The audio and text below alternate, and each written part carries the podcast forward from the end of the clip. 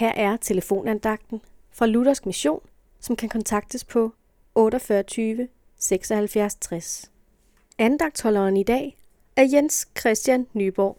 Teksten til i dag er taget fra Matteus evangeliet, kapitel 13, vers 33, hvor Jesus siger, Tag et træ, enten er det godt, og så er dets frugt også god, eller det er dårligt, og så er dets frugt også dårlig.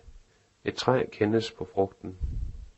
Jeg læste engang om en forlagsleder, som gav et godt råd til en af hans børnebogsskribenter. Det gik ud på, at handling betød mere end ord. Rådet var, at hvis han skulle fortælle sine læsere, at pigen i bogen var glad, så skulle han ikke bare skrive, pigen var glad.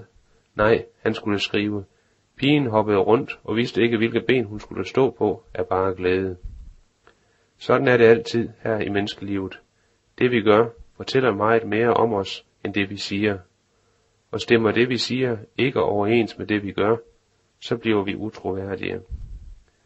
Måske bekender du, at du hører Jesus til, men hvad med dit liv? Stemmer det overens med dine ord?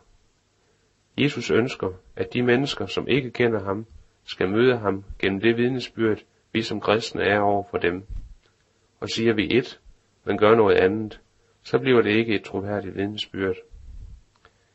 Jesus er Guds kærlighed, som blev synliggjort her på jorden, og lever Jesus i os, kalder han også os til at synliggøre hans kærlighed over for de mennesker, vi lever iblandt. De, de ord, vi siger om Jesus, vil mange måske afvise, men et liv, som vidner om, at man ejer en levende tro på Jesus, er ikke så nem at afvise.